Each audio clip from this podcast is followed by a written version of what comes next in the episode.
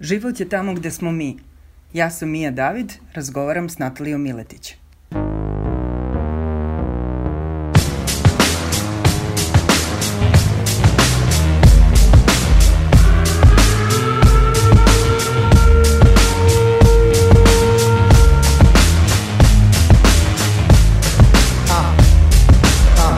We don't believe you, cause we the people are still here in the rear, yo, we don't need you. You ain't a killing off good young nigga move. When we get hungry, we eat the same fucking food. The ramen noodle. This simple voodoo is so maniacal, reliable to pull a juju. The irony is that this bad bitch in my lap, she don't tell me she make money, she don't study that. She gon' give it to me, ain't gon' tell me none of that. She gon' take the brain where the plane she spit on that. The doors and signs with, don't try to rhyme with. VH1 has a show that you can waste your time with. Guilty pleasure take the edge off reality, and for a salary, I probably do that just sporadically. The OG Gucci boots are smitten with iguanas. The IRS piranha see a nigga getting common. Niggas in the hood living in a fishbowl. Gentrify here, now it's not a shithole. Trendsetter, I know my shit's cold. Hand sentiment because I ain't so bold, but yeah. All you black folks, you must go.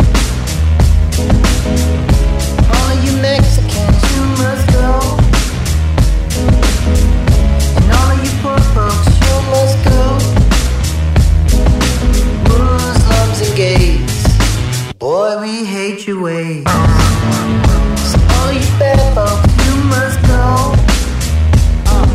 The fog and the smog of the media that logs false narratives of guys that came up against the odds. We're not just nigga rappers with the bars. It's kismet that we're cosmic with the stars. You overlooking street art, better yet street smart, but you keep us off the chart. Some of the fucking numbers and your statisticians. Fuck you know about true competition. Just like the AO picture on there talking about he hitting. The only one who's hitting are the ones that's currently spitting. We got your Missy smitten, rubbing on a little kitten, dreaming up a world that's equal for women with no division. Huh. Boy, I tell you that's vision. Like Tony Romo when he hitting witten. The tribe be the best in a division. Shaheed Muhammad cut it with precision. Who can come back years later, still hit the shot? Still I'm trying to move you off the fucking block. Babylon blood clot. Droop on your head top. Mm. All of you black folks, you must go. All of you Mexicans, you must go.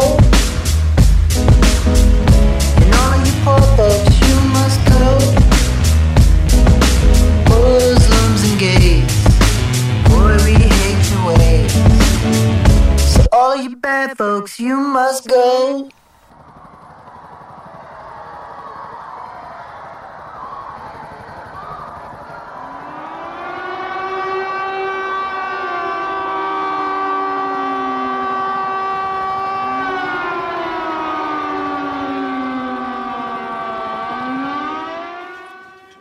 Nas u ovom uh, internet audio pro, prostoru. Ra- Danas razgovaram s mističnom dojkom.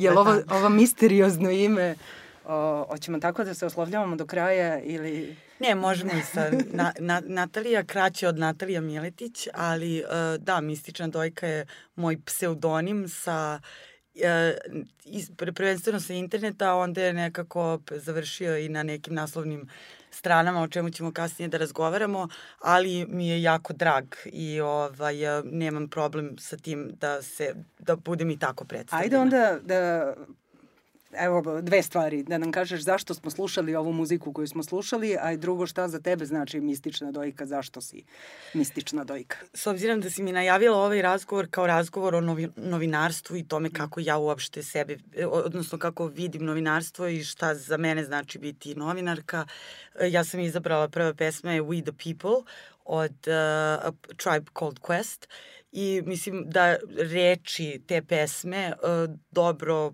objašnjavaju kako ja sebe vidim kao novinarku, odnosno da sebe vidim kao neko ko zastupa um, interes naroda, odnosno pokušava da bude neki Glas- korektiv Glas potlačenih. Tako je i da bude neki korektiv vlasti i ovaj da se bavi nekim temama koje oni žele da prikriju, da postavlja da zapravo i konstruktivno kritikuje vlast i da konstruktivno kritikuje na kraju krajeva i, e, i opoziciju i sve druge aktere tog nekog javnog života koji na kraju e, krajeva čije akcije ili dela utiču na život običnih ljudi. A, pošto, kao što si rekla, u ovom nekom ciklusu pričam sa novinarima, te, te, tebe prati taj kako se ona kaže, nezavisni novinar, znači Natalija Miletić, nezavisni novinar, nezavisna novinarka. Kako si do, došla u, uh, do toga, ka, tvoj put je malo možda neobičan uh, i kako se uopšte gradi ta pozicija koja je u nekom smislu najslobodnija, ali je i najteža? malo pre si mi rekla dok smo se malo ovaj, pripremali pred emisiju i malo razgovarale da je danas na, na dan kada snimamo emisiju zapravo Đinđićev rođendan mm. ili bi bio Đinđićev rođendan. I da, Zoran Đinđić je uh, obeležio i moj život na više načina, jedan od tih je da sam zapravo uh, postala novinar, novinarka zahvaljujući Đinđić stipendiji. Uh, koju je tada davala, mislim, ta stipendija i dalje postoji, uh, Đinđić fondacija i uh, ja sam, nisam studirala novinarstvo, završila sam političke nauke, međutim prijavila sam se na taj konkurs i oni su me onda zvali i pitali me da li bih eventualno tu praksu u Nemačkoj radila u srpskoj redakciji Deutsche Welle. I meni se to učinilo kao jako zanimljiva... Koja je to godina? To je bilo 2009. godine. 2009. godine, eh, da, sam se, zapravo sam se 2008. godine prijavila za tu stipendiju, a 2009. sam otišla u Nemačku, a ono što je još zanimljivije je da sam, eh, pošto naravno nisam bila sigurna da li ću dobiti stipendiju, onda sam umeđu vremenu dobila i posao stewardese, uh, u uh, Emiratima, odatle i taj moj Twitter nadimak Fly Natalija, jer su tada Emirati imali tu kampanju Fly Emirates, pošto sam za Emirate letela ovaj, i onda tamo negde, ko zna u kom sam delu sveta bila, došao je taj poziv iz Đinđić fondacije i ponudili su mi e, tu praksu u Deutsche Welleu i ja sam onda razmislila i nekako sam uh, nakon godinu dana letenja po celom svetu ipak odlučila da možda sletela. nije sletela u Bonn. Da. I zapravo si u Nemačkoj od tada? Od tada sam u Nemačkoj. U različitim deset, gradovima. Tako je, već da. deset godina. Prvo sam bila u Bonu, pa u Hamburgu i sada već šest godina u Berlinu. Koliko si godina imala kada si ušla u novinarstvo, da kažem te 2009? A, ako sada imam 36... 26. Dobro. Eto. A, u, dobro, toliko sam mogla i ja da preračunam.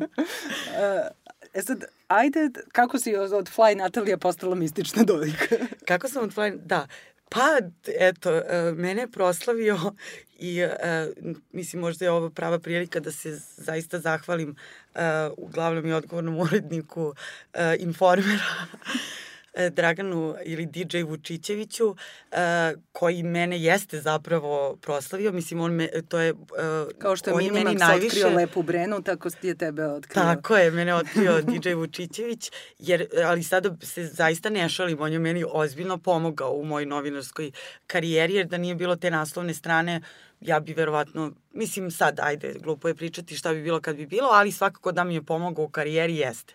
Tako da hvala mu na tome. To se desilo na toj čuvenoj uh, konferenciji, mislim da je za novinare, odnosno to je bila, ako se dobro sećam, prva poseta, zvanična poseta Vučićeva kao, on tada nije bio predsednik, već je bio uh, premijer. premijer, tako je, to je bilo 2014. i došao je u zvaničnu posetu Merkelovoj, koja, narav, koja je naravno ovde bila najavljivana kao istorijska poseta uh, velikog lidera Srbije i tako dalje i tako dalje. Bilo je čak i direktnog prenosa u RTS-u koji mislim da su posle toga ukinuli bar kad gostuju u Nemačkoj. Ovaj, uh, I uh, da, ja sam otišla na tu preskonferenciju uh, nisam čak uh, ni planirala bilo šta da pišem, mislim, prosto sam htela da čujem, to tako funkcioniše i slobodno novinarstvo, mm. da odete, vidite da li ima priče, ne mora nužno da, ne idete nužno po zadatku, jel? I ove, ovaj, otišla sam na tu preskonferenciju i e, na kojoj je bilo reči, ja mislim da je bila tema ulazak, odnosno evropski put Srbije, dalji evropski put Srbije. Kao i uvek. Kao i uvek, kao i 20 godina unazad. I, ovaj, e, i onda je, jel, oni su završili taj razgovor i izašli uh, pred novinare i ja sam jednostavno podigla ruku, postavila pitanje. E sad, kontekst u kome ja postavljam pitanje je recimo dve nedelje pre toga su otkrivene, e, objavljena prva priča na Peščaniku o plagijatu takozvanog doktora ministra unutrašnjih poslova Stefanovića i to se takođe desilo neposredno posle poplava, a kada su se događale poplave u Obrenovcu, tada je postala evidentna ta cenzura. Po prvi put je tako javno uh, uh, bilo pritiska na medije, pritisaka na medije da se ne objavljuju određene stvari koje se tiču poplava i tako dalje. E sad, znači to je bio kontekst i mene kao novinarku je zanimalo najviše da li će ta očigledna cenzura medija uticati na uh, naš evropski put. A drugo pitanje je bilo da li mu je uh, kancelarka Merkel eventualno dala neki savet šta se radi sa uh, saradnicima koji su imali plagijate, jer koji su uhvaćeni u plagijatu, jer je i ona sama, njen najbliži saradnik je bio uh, Cu Gutenberg, on je bio ministar odbrane Nemačke i uh, uhvaćen je u plagijatu i čovjek je apsolutno, naravno da je sam podneo da, da. ostavku i on je nestao iz javnog života Nemačke. Mm. Znači on više to se dešavalo malo ranije. Malo ranije, da, da. ali ne znatno ranije. Da. On je čak, uh, kada, pošto sam ja inače uh, završila kad, dok sam studirala u Hamburgu, ja sam studirala i na Vojnoj akademiji Hamburškoj i u vreme kada je on bio ministar. Znači mm. da je to bilo, ja mislim, 2008. On bio ministar, 2009. 10. uhvaćen u plagijatu, tako da čak sam imala prilike i njega da vidim ove, jednom prilikom na nekoj paradi koja je bila tu na univerzitetu. Ali ove, da se vratim na temu, eto, to je bilo moje pitanje koje je jel, izazvalo, pošto je prva stvar to je bilo prenes, ono, naravno u direktnom prenosu na RTS-u, onda kad on meni sad nije dao neki odgovor, onako bi je prvo se pre, zapravo pravio kao da nije znao o kome je reč, pa sam morala da mu mm. dobacim da se radi o Nebojši Stefanoviću. E onda je usledilo kao sledeća neprijatna situacija, napad e, ove druge sekretarke ambasade koja je bila zadužena za akreditaciju novinara, preko koje sam se ja akreditovala, koja me ono napala tu i rekla nemoj nikad više da si nam se javila. Bukvalno me žena izblamirala tu pred drugim novinarima i nemačkim kolegama jer se drala na mene. Ove, ovaj, to je baš onako bilo neprijatno iskustvo, tako da sam tad proglašena i tako i za personu non gratu u ambasadi. Ovaj, I e, da, sledeći dan je os, osvanula jel, ta naslovna strana jednog o, ovako, mislim da bi Woody Allen bio ponosan na to da mu se tako zove neki film ili remake njegovog filma mistična dojka napala Vučića u Berlinu. I mislim, sećam se da mi je drug poslao uh, znači veče pre nego što su izašle novine, e, poslao mi je naslovnu stranu. Ja sam mislila da je, stvar, zaista da je sam mislila montaža. da je montaža. Ne. Da.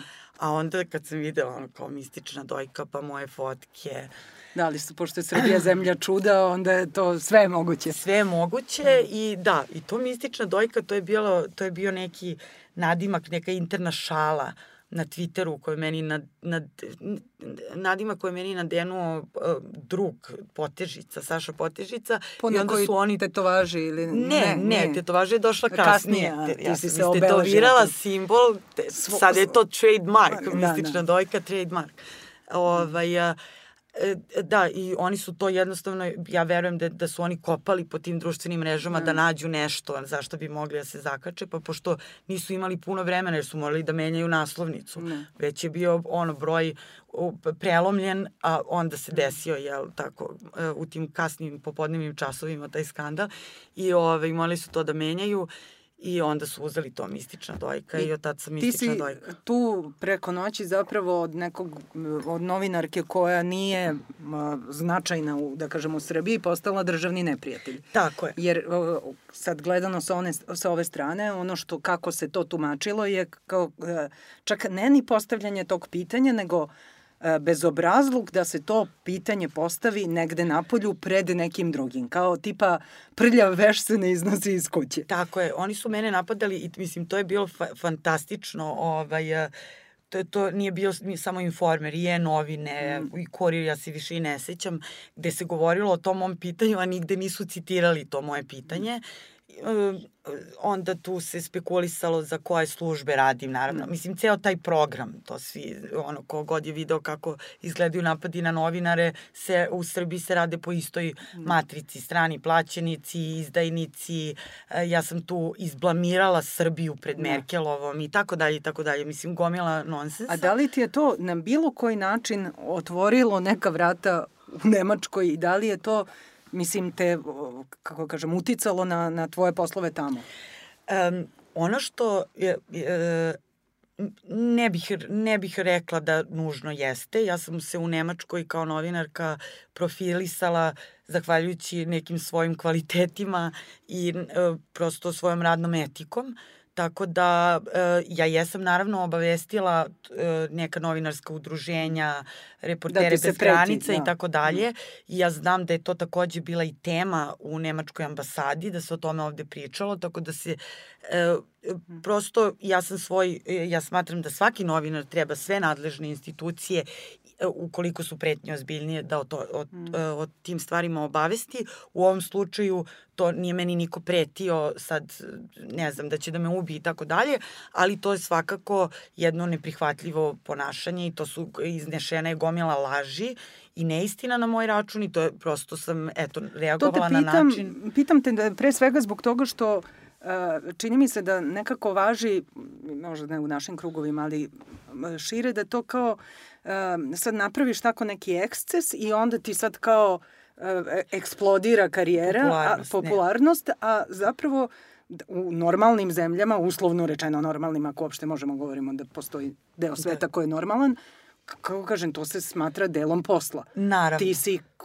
postavila neko pitanje i mislim, dobila si ili nisi dobila neki odgovor? Apsolutno, meni je bilo prosto nevero, neverovatno, jer to se, ja u trenutku kad se to dešava već dugo živim u Nemačkoj, tu sam se bavila novinarstvom, mislim, ja jesam izveštavala o Srbiji, ali prosto, ja recimo ovde u Srbiji mislim da nikad u životu nisam bila na konferenciji za novinare, ni dan danas tada, naročito. Tako da, ja sam prosto bila iznenađena time kako su mene slavili kao heroinu jer sam postavila pitanje. I mislim, to sad više govori o tome kako je stanje u novinarstvu u Srbiji. Me, e, mislim, meni je potpuno normalno da postavim bilo koje pitanje koje ja smatram da je pitanje od javnog in, da, da, da interesa, da se no. Da. javnost interesuje za to. Ja sam ti objasnila koji je kontekst bio prema tome za mene kao novinarku je pitanje o cenzuri medija u tom trenutku bilo pitanje svih pitanja, jer ono je, mislim, prvenstveno se tiče moje profesije, a onda ima i da, ono, dalje posledice po informisanje uh, svih ostalih, jel, koji čitaju medije i tako dalje. Međutim, ono što, a samo da se vratim uh, uh, na temu kako mi je to pomoglo još u, u profesionalnom smislu, uh, ono što informer nije mogao da zna je da u trenutku kada su oni objavili tu naslovnicu, tog istog dana je sticam okolnosti Deutsche Welle objavio moje veliko istraživanje na temu megatentovih, kako smo ta, nazvali megatrendovi Potemkinovi univerziteti. Uh, koji su i sad aktuelni, jel, to se sada priča, se ponovo uh, se razgovara o tome, opet zbog Stefanovića i kada sam ja bila na naslovnici informera, Deutsche Welle sticam okolnosti tog dana objavio to istraživanje gde sam ja raskrinkala tu čitavu lažnu mrežu njegovih uh, univerziteta koji su postojali samo na internetu, uh, a ne i u stvarnosti. Između ostalog, jedan od tih fakulteta i ovaj koji tvrdi da je završio Neša Stefanović, to je zapravo jedan ono, e, letterbox u Londonu na nekoj adresi gde nema nikakvog kampusa, niti bilo čega.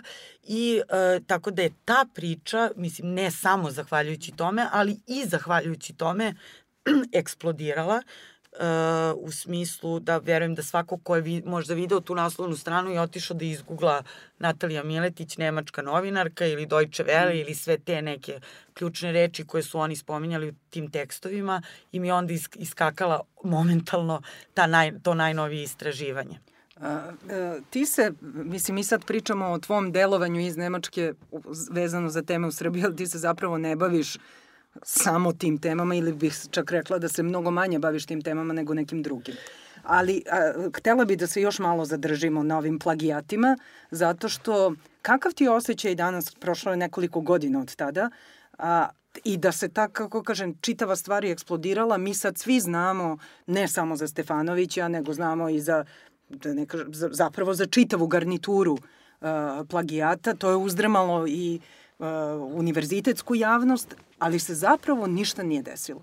Kakav ti je osjećaj, da li kada biraš te teme koje tebe interesuju, koje smatraš da su od javnog interesa, da li te pogodi što zapravo neću kažem nije važno taj kao trud koji si uložila u, u, u raskrinkavanju, ali da zapravo sve to sazna neka javnost i opet ništa.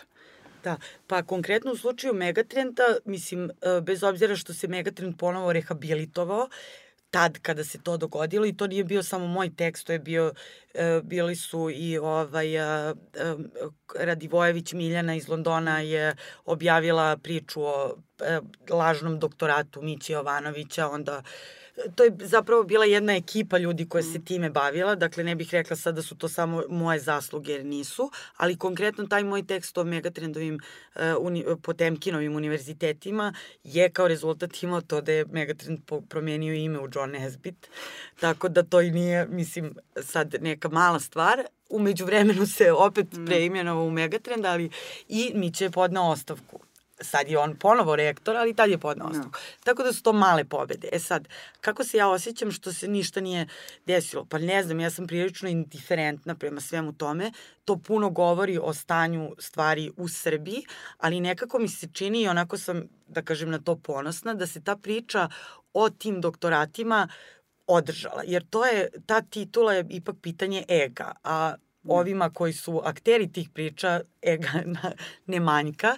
Tako da nekako afera je na svakom koraku svakodnevno, ali ta mm. se nekako drži već pet godina, imam utisak da se iznova onako e, pojavljuje jer e, i da ih to užasno boli jer to je ipak pitanje toga ča, i ne samo časti nego toga mislim da oni na to gledaju kao E, inteligencije, oni misle da zato što su se sad za, okitili tim lažnim titulama da su oni intelektualci. Mislim, nisu, oni su ono, no. ne svi, narav, naravno, ali uglavnom ti sa lažnim titulama, da, mislim, to je no. obična bagra i o tome ne, mislim, to, to, je, to je jednostavno tako. Rekla si da si indiferentna, a pošto mi se čini da nikako da dođem do tog, u stvari, ključnog pitanja o, oko koje mi se vrde sve ove emisije, to je ta uloga novinara i taj, kako kažem, kad imaš neke svoje lične vrednosti za koje se boriš, uh,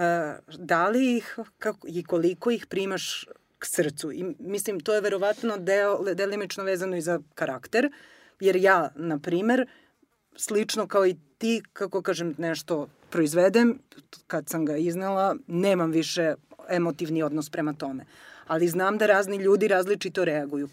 Gde, koja je tvoja pozicija? E, ja mislim da se to me, kod mene promenilo sa godinama. Mislim da sam ranije mnogo više gorela i da me to možda pogađalo na tom nekom ličnom nivou. A sada, sada već imam i malo, mislim ne malo više godina daleko od toga da sam matora, ali mislim da su to godine iskustva, su mi jednostavno naučile da se onako malo više, da kažem, kuloće mm -hmm. prilazim tim svim e, temama i mislim nije to e, i ti plagijati nisu za mene sad gotova priča, tu ima mm. još puno materijala i tako dalje, ali mislim ja zapravo više nisam puno birala nikad teme kojima ću se baviti, nego sam se više o njih saplitala. Mm. Pa je to nekako... Uh, da, mislim, nisam ja sad kao htela po svaku cenu, zato što verujem da svi koji imaju titule moraju da, ih, da, su, da su ih stekli časno, pa sam sad kao tu mm. zagrebala, nego mi se tako su, mi se te priče nekako nameštale na različite načine, ono prosto kao kreneš nečim da se baviš, pa tu sad izlazi, izlazi sve i svašta. Ali nekako poslednje godina ono čime si se najviše bavila su izbeglice, ovaj talas izbeglica i to je jako teško da ne budeš ličan u tome. Mislim, ako nisi ličan, onda nešto, onda si iz pogrešnih razloga tu definitivno.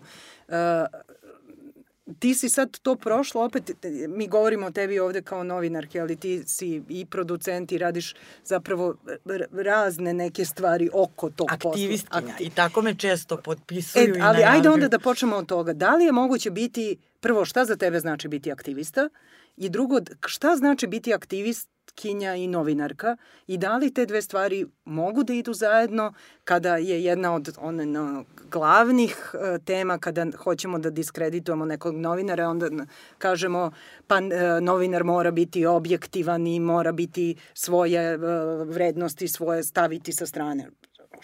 Šta to za tebe znači? Ja ne mislim da, no, da ja ne mogu da budem i novinarka i aktivistkinja.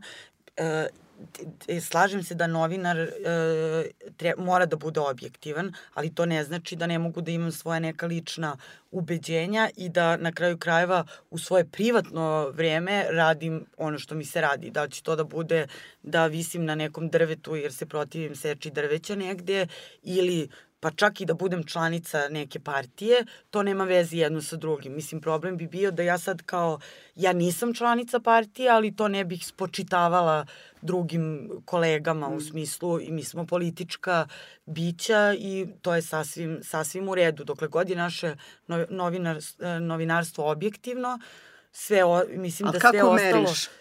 Pa ja mislim da je moje novinarstvo, novinarstvo objektivno. Sad ne znam, nikad nisam dobila neku, jer... Uh, ne, ne, razumem, da. ali kako kažem, kako bi postavila, jer tu je recimo to pitanje da li novinar ili novinarka može da bude član neke partije, to je jako često, a da se bavi političkim da. novinarstvom, ok, može bude novinar za kulturu, da, ali... Da, da. da Da li može da bude član neke? Pa, mislim, u svakom slučaju ne treba da bude istaknuti član, ali mm. mislim, članstvo u jednoj, ili funkcioner neke partije, to je već problematično, ali biti član jedne partije znači između ostalog... Vrednostno se odrediti. Vrednostno se odrediti, e, finansirati tu partiju, jer mislim i partije moraju nekako da se finansiraju bar u normalnim državama, čak i kroz članstvo, odnosno članarinu, Tako da to, eto, imati partijsku knjižicu na kraju krajeva možda znači, ok, evo, sad sam sa njima, jer ve, hoću da im i finansijski pomognem da te svoje ideje nekako sprovedu u delo. Tako da, e, tu treba praviti razliku, znači biti član, ali ne biti istaknuti e, funkcioner. funkcioner. Mm. Tako da to, te dve stvari nikako ne idu zajedno. Prekinula sam te, ajde da se vratimo na aktivizam i na izbeglice i na, na, na taj deo tvog života. Da, e, Dakle, zapravo sam se nekako opet saplala u, u celu tu priču jer sam krenula da e, e, izveštavam o tome i da, to si spomenula da ja radim i kao e, producentkinja za inostrane medije koji dolaze u Nemačku i koji hoće sad tu da rade bilo koju priču i tu bih samo objasnila, pošto je to onako či, vrlo esnavski termin fikser ili mhm. stringer i to uglavnom e, ljudi koji se ne bave novinarstvom ne znaju, ali je vrlo jednostavno. Ako neka, recimo, američki, neki američki mediji, ne, mediji hoće da dođu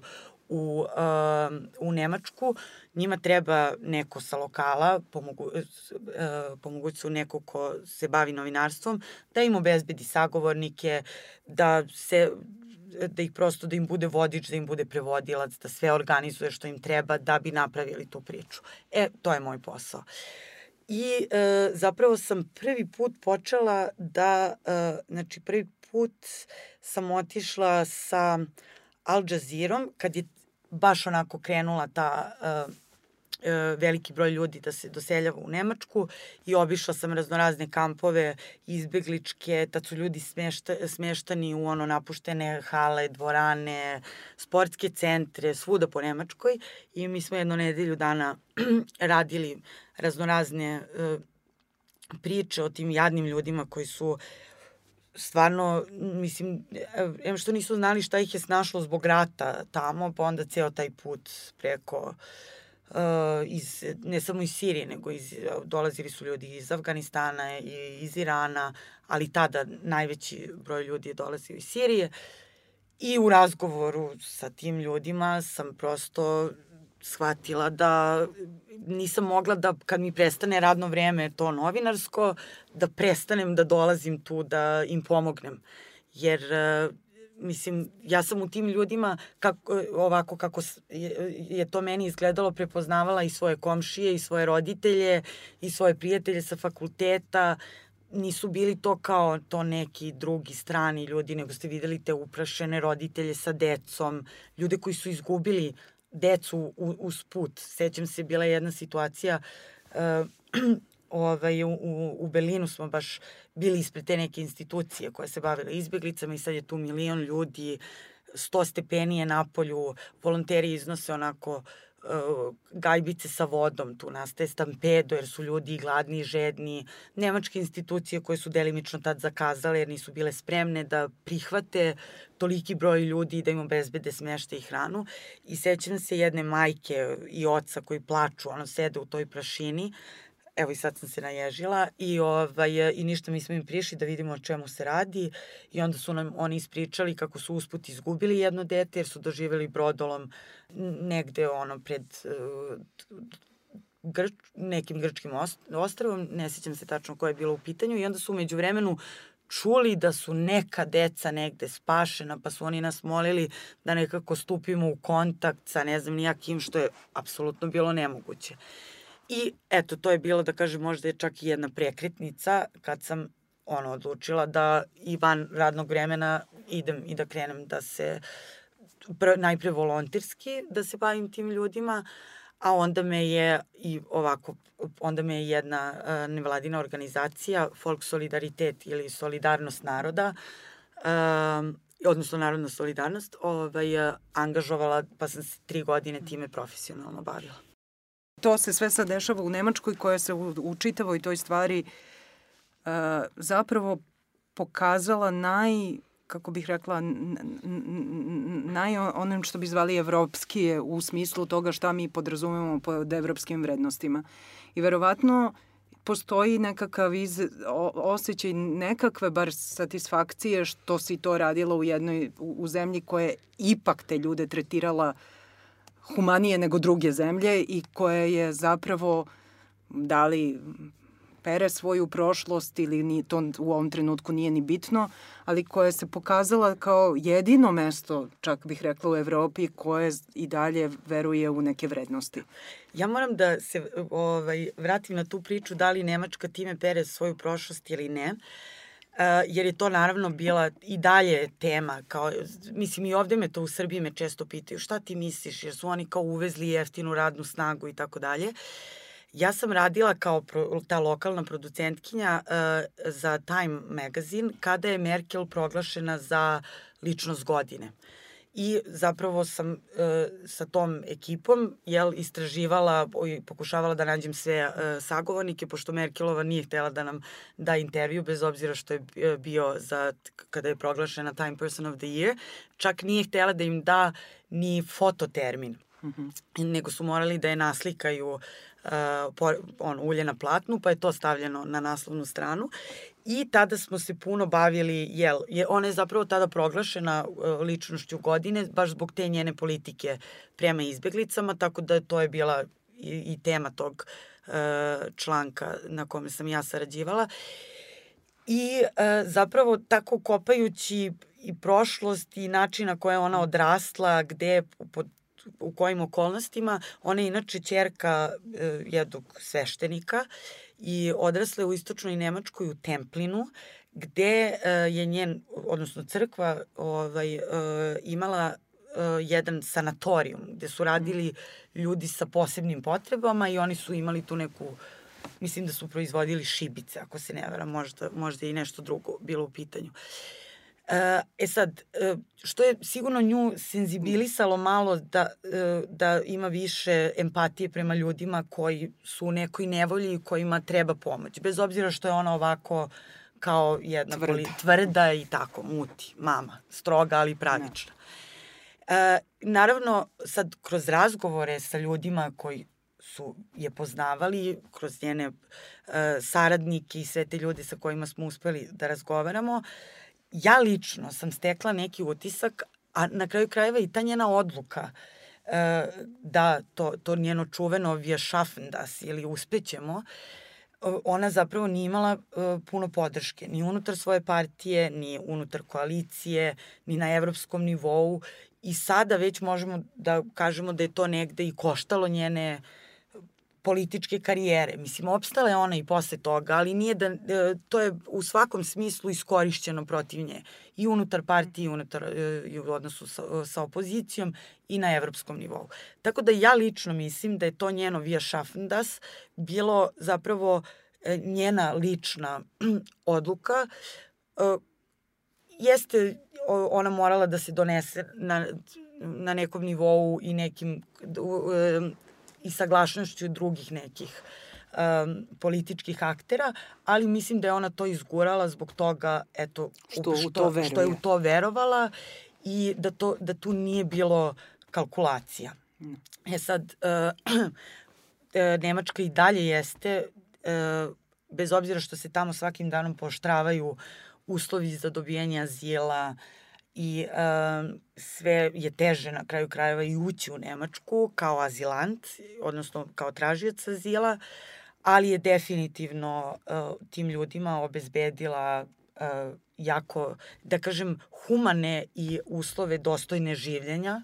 Mm. Uh, be, tu je bilo stvarno problema uh, i ali je nekako taj tvrdi nemački sistem ipak uspeo da, da, da prevaziđe te probleme koji su postojali i sada to sve, mislim, polako se, jel, ide nekim normalnim tokom, ali da sam jako ponosna na svoje ne nemačko poreklo, ali na, na to što sam ona bi Nemica, uh, jes, jesam, mislim, s obzirom da sam, eto, tri godine, uh, tri godine sam se vrlo intenzivno time bavila i o tome izveštavala, jer sam ja radila sa izbjeglicama, kao freelancerka sam, jel, uh, tim, e, se, odnosno i to novinarski pokrivala, ali sam vrlo ponosna da sam bila tog, deo tog istorijskog trenutka baš u toj zemlji koja je uradila najbolju moguću stvar koju je trebala zapravo cela Evropa da uradi.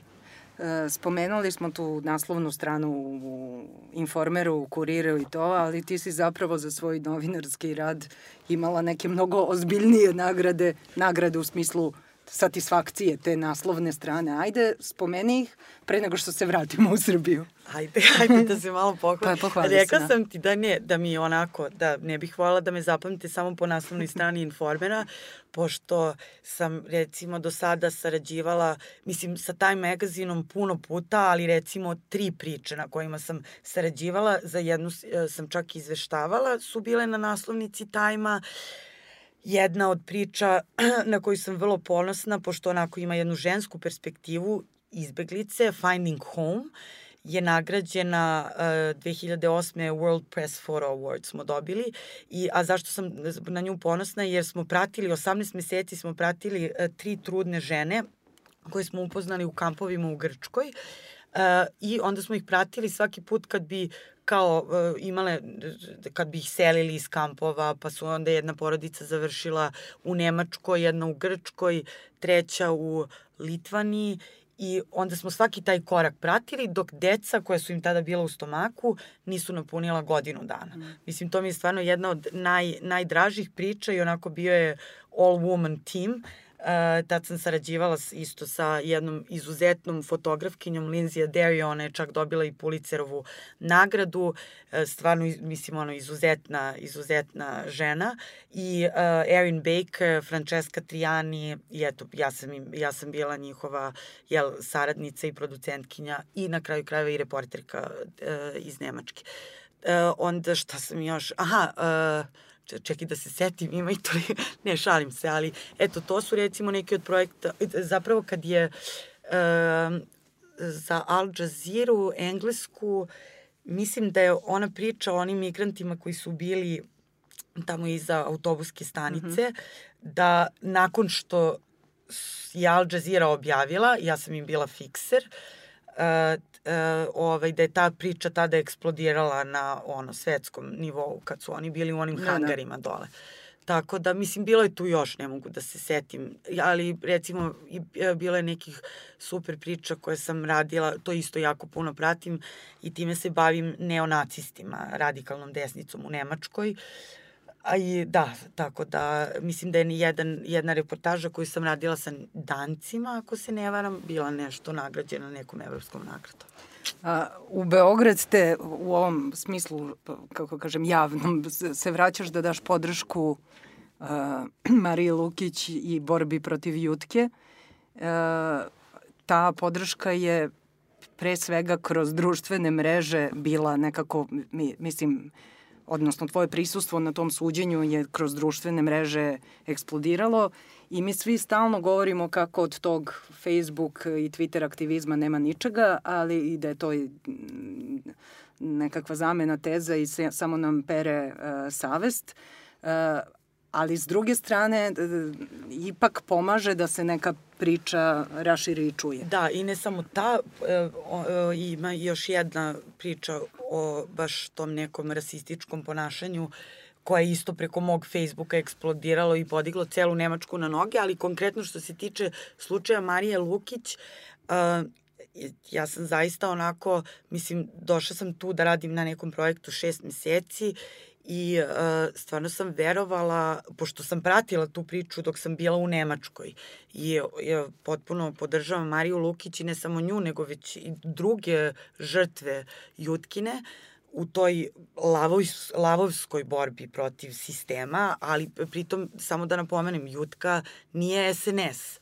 Jutka je već 20 godina šerif jednog malog mesta u Brusu. Tako da je ta borba protiv njega, borba protiv uh, sve te truleži u državi Srbiji i, i, i, i protiv sistema i protiv sudskog sistema i protiv načina na kojih se muškarci obhode prema ženama. Znači, to je baš onako po meni uh, jedan dobar primer šta je sve trulo u ovoj državi. E sad, ja sam tu priču pratila ovako preko interneta i sticam okolnosti sam bila tu. Uh, drugarica moja Frida je htela po svaku cenu da ide i ona me podsjetila, da kažem, ona isto nešto postovala na Facebooku. Ja sam je rekla, ok, idem ja sa tobom.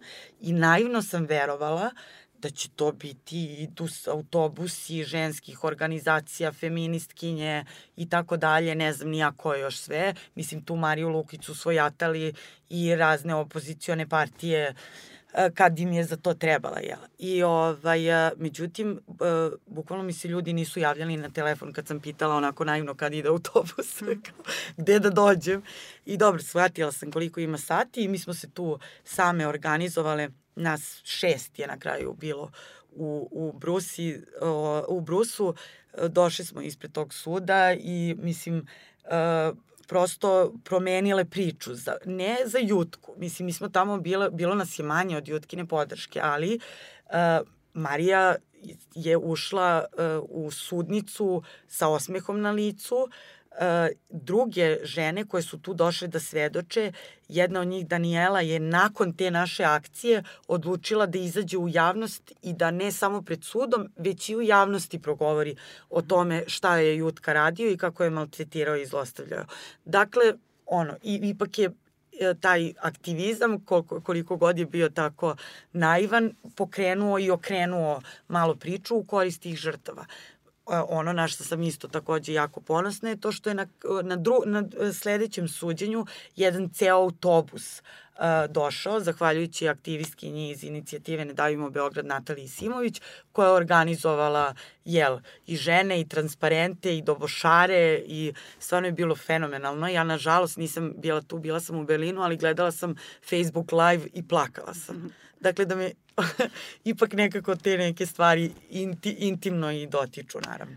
Kada se na ovaj način, mislim, boriš za sobstvena uverenja, a više nisi baš klinka, nego si u nekim sad, kako kažem, najboljim godinama profesionalnim, a, kakav ti je osjećaj, mislim, da li to sve ima smisla, zašto se borimo kad je ceo svet otišao dođe vola i kad u stvari koliko god da je, mi stalno pričamo o nekoj normalnosti, pokušaju normalnog života u Srbiji, ali pre 7 godina kad je Vučić došao na vlast, stvari su bile, čini mi se, dramatično drugačije, a sada je on nekakav mainstream gledano svetski i kao što nam je i evo Merkelova koju si spomenula, kad je ona došla na vlast, mislili smo, bože, ono, kraj sveta, te desnica, a sad je ona neko izvor svetla u tim okolnostima svetskim, da, mislim, gde je ta borba, kako se ta borba vodi, kako se nastavlja, imali smisla? E, gerilska na lokalu, ono, u svom dvorištu, što bi rekli.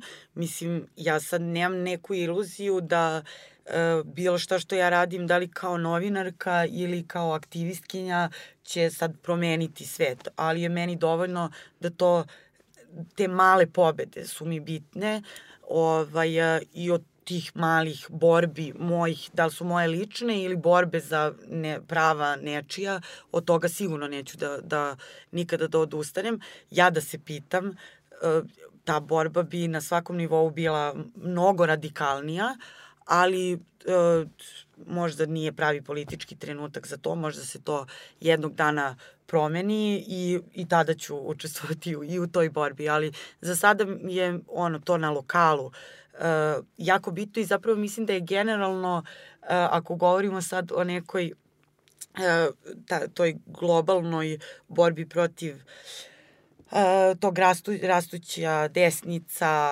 taj turbokapitalizam i ostalo, uh, da mi kao, da kažem, neka druga strana nemamo ni puno sredstava, da se ono, borimo i protivnik je mnogo jači. Uh, i da je zapravo budućnost, ako se, da jedino gde ja vidim možda neku šansu je da se udružimo oko tih nekih uh, uh, pitanja koja ni, lokalnih pitanja da, da ako, ako sad govorimo recimo o partijama ja ne mislim da neka partija u, ne znam, Mladenovcu ili Sokobanji treba da se nužno bavi pitanjima Kosova, da li je Kosovo nezavisno, nezavisno ili ne, ali ovaj, da mogu da se recimo bave ekološkim temama, komunalnim temama koje ljudi mogu da prepoznaju i da tako se može da se možda izgradi neki novi bolji sistem, a ne ovako da ovo što živimo je potpuno potpuno ludilo. A, pre nego što nam najaviš pesmu za kraj i kažeš zašto si je izabrala, ja moram da te pitam za ono kako smo se mi upoznali, a upoznali smo se preko kulture. Šta je sa Serbinalom koji si ti sa još svoje dve koleginice, sestrom, drugaricom, drugarice, da, da. s porodicom, vodila i radila šta se dešava sa Serbinalom i kakva mu je budućnost? Da, pa Serbinale je da e, na pauzi, na stand-by-u. Mislim, već par godina nismo ništa radili na tu temu. Došlo je do malog zamora materijala i malo su se okolnosti promenile. Uh, tako i ovako privatno, posebno za te moje druge dve saradnice, ali e, mi često volimo da kažemo to je naše čedo, tako da ono, jednog dana kada se opet stvore neki uh, uslovi za to, možda se ponovo desi. Vidim da dosta ljudi me je pitalo od kad sam u Beogradu šta se dešava sa Serbinalom. Uh, ništa, eto, Serbinale spava, možda kad nekad da, evo. bude vreme, možda ga ponovo probudimo, ali da, to je, stvarno mi je ostala jako u lepom sećanju ta saradnja, mi smo više, na više da. festivala sarađivali. I... Ali evo, ja kao saradnik mogu da kažem za ljude koji ne znaju, uh, postojali su u jednom trenutku i nekako na nekom gradskom državnom nivou želja i uh, razmišljanje da se napravi uh, Srpski kulturni centar u Berlinu ne bih rekla po ugledu na one u Parizu, nego da. drugačiji. Da. to na tom državnom nivou nije uspelo, ali ste zapravo vas tri, potpuno nezavisno od toga, napravila jedan festival koji se obraćao toj publici kojoj smo mi e, mislili da treba taj kulturni centar da se obraća, to znači toj nekoj, ajde uslovno rečeno, novoj dijaspori koja je visoko obrazovana i koja neće ići i konzumirati folklor i, i i ono što tradicionalno bi bilo Tako nekakvo... Je. Da, e, ja sad ako, mislim, ja sam u svakom slučaju, pošto i to bila jedna gerilska akcija u smislu e, toga, to kako smo skupljale sredstva za to, Aktivizam. što je sve naravno bilo na mišiće, tako da, mislim, ako neko e, želi, da, želi da, pomogne. investira u mene i u Srbinale, eto, mi smo se pokazali, znamo to da organizujemo. E, ne, šalim se, to je jedini uslov pod kojim bih sad to ponovo radila, a to je da se obezbede neke ozbiljne financije za to, jer mi smo se nekako nadale da kao tih pr, prvi, drugi put da pokažemo šta znamo i šta umemo i koliko je to bitno za promociju Srbije i kako je to e, izgradnja nekih mostova sa Nemačkom i te neke, da kažem, kulturne razmene koja je takođe bitna, pored ekonomski i sve ostale e, saradnje koju imamo već sa Nemačkom ali jel, tad u tom trenutku niko nije to znao da prepozna sa nekog državnog nivoa ili kako god, možda je to i bolje tako da se ne petljamo tamo gde nam nije mesto. E, dobro, ali pošto si ti osoba koja radi, e, kako kažem, bavi se onim što su nekakve teme koje izlaze iz vrednosti, to će se u ovom, u ovom ili onom obliku će se preplitati kultura sa politikom, aktivizmom i svim ostalim. Tako Šta je. slušamo za kraj? Za kraj slušamo uh, Hildegard Knef, to je jedna od mojih omiljenih uh, pevačica nemačkih. Ona me onako uh, uh, podsjeća puno na uh, Berlin u kome nisam živela jer je tako peva tu kabaretsku muziku i tako dalje, ali to je i omaž mojim svim prijateljima i porodici koju imam uh, u Berlinu, jer uh, da, nije da nisu malo puta trpeli, jer i tamo sam jel, pravila skandale, kao što je bio onaj sa tim izbacivanjem. To smo iz... preskočili, ajde dve rečenice e. o tome. Pa, Pošto je e, da. zanimljivo da. jer kad uh, posle te naslovne strane na Informeru, naslovna strana u Kuriru te slavi kao velikog borca za ljudska prava, pošto se sad ne baviš Srbijom nego Nemačkom. Tako je. E, pa eto imala sam tu priliku da se nađem slučajno u vozu iz koga je na jedan brutalan način izbađen, izbačen jedan čovek tamnije boje kože i ja sam tu intervenisala e, ne fizički, već sam pokušavala da urazumim te kontrolore koji su ga nasilno izbacili jer nije imao kartu i bla bla bla. I snimila sam video od to, i to okačila na Facebook, ja sam im to dobacivala na kraju kad su ga ono, uhvatili u kra, špansku kragnu i bacili na pod i gazili i tako dalje, da su rasisti i da mu to rade samo zato što je crnac. I naravno ta reč rasizam kad Nemce optužiš da su rasisti, to izazove otvori stare rane iz prošlosti. I te sam ja tako isto dospela na sve, ne da naslovne strane nemačkih medija, ali bukvalno ne postoji medij koji nije o tome izveštavao. Ja se sjećam da sam e, imala ono maltene pres konferenciju ja na poslu, kolege novinari me zovu i sad ja hoću svima da izađem u susret, da radim pritom i onda kao na pauzi za ručak organizujem pres konferenciju i to na nekom polju jer ja u tom, rad, u tom trenutku upravljam izbegličkim kampom negde ono na uh, e, kraju Berlina u nekom izabiti, sad oni dolaze ja kao da, mislim, baš je onako bilo slikovito.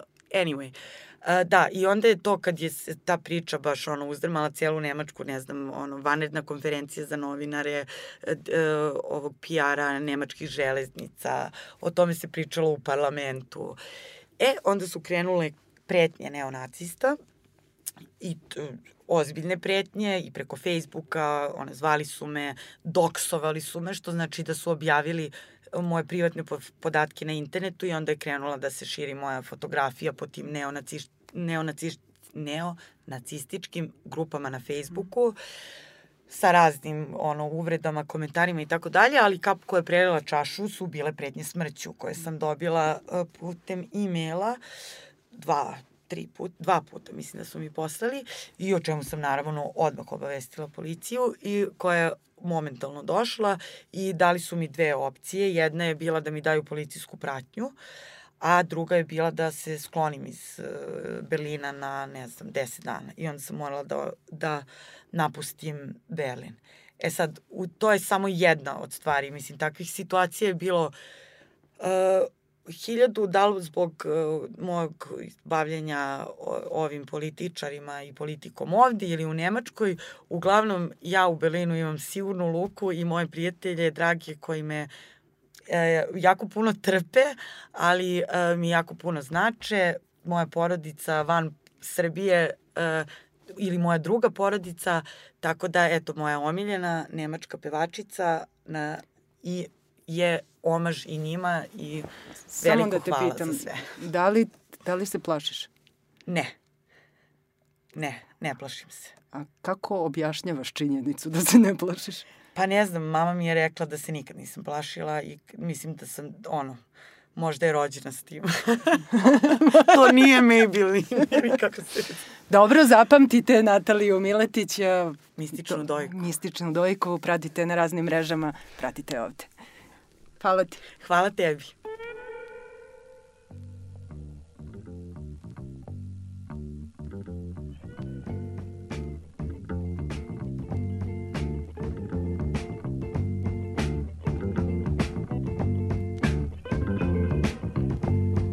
im 80. Stockwerk.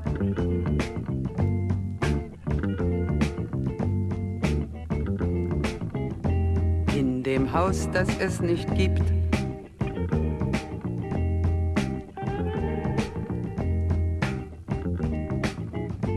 In der Stadt, die es nicht gibt. Wird ein Mädchen stehen wird warten auf den Mann. Es wird fragen, wann, endlich wann built a dozen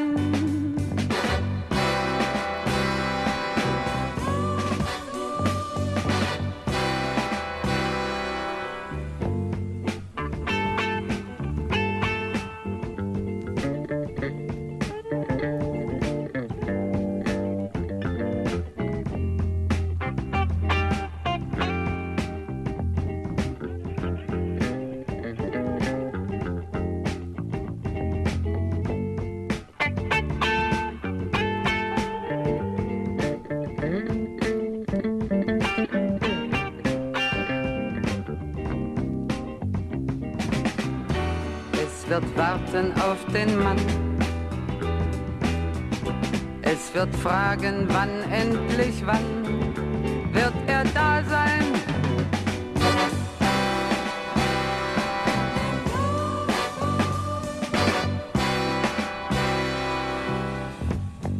Im 80. Stockwerk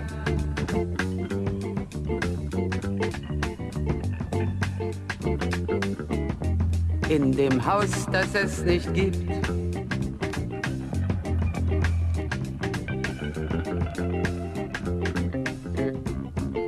In der Stadt, die es nicht gibt, wird es traurig sein.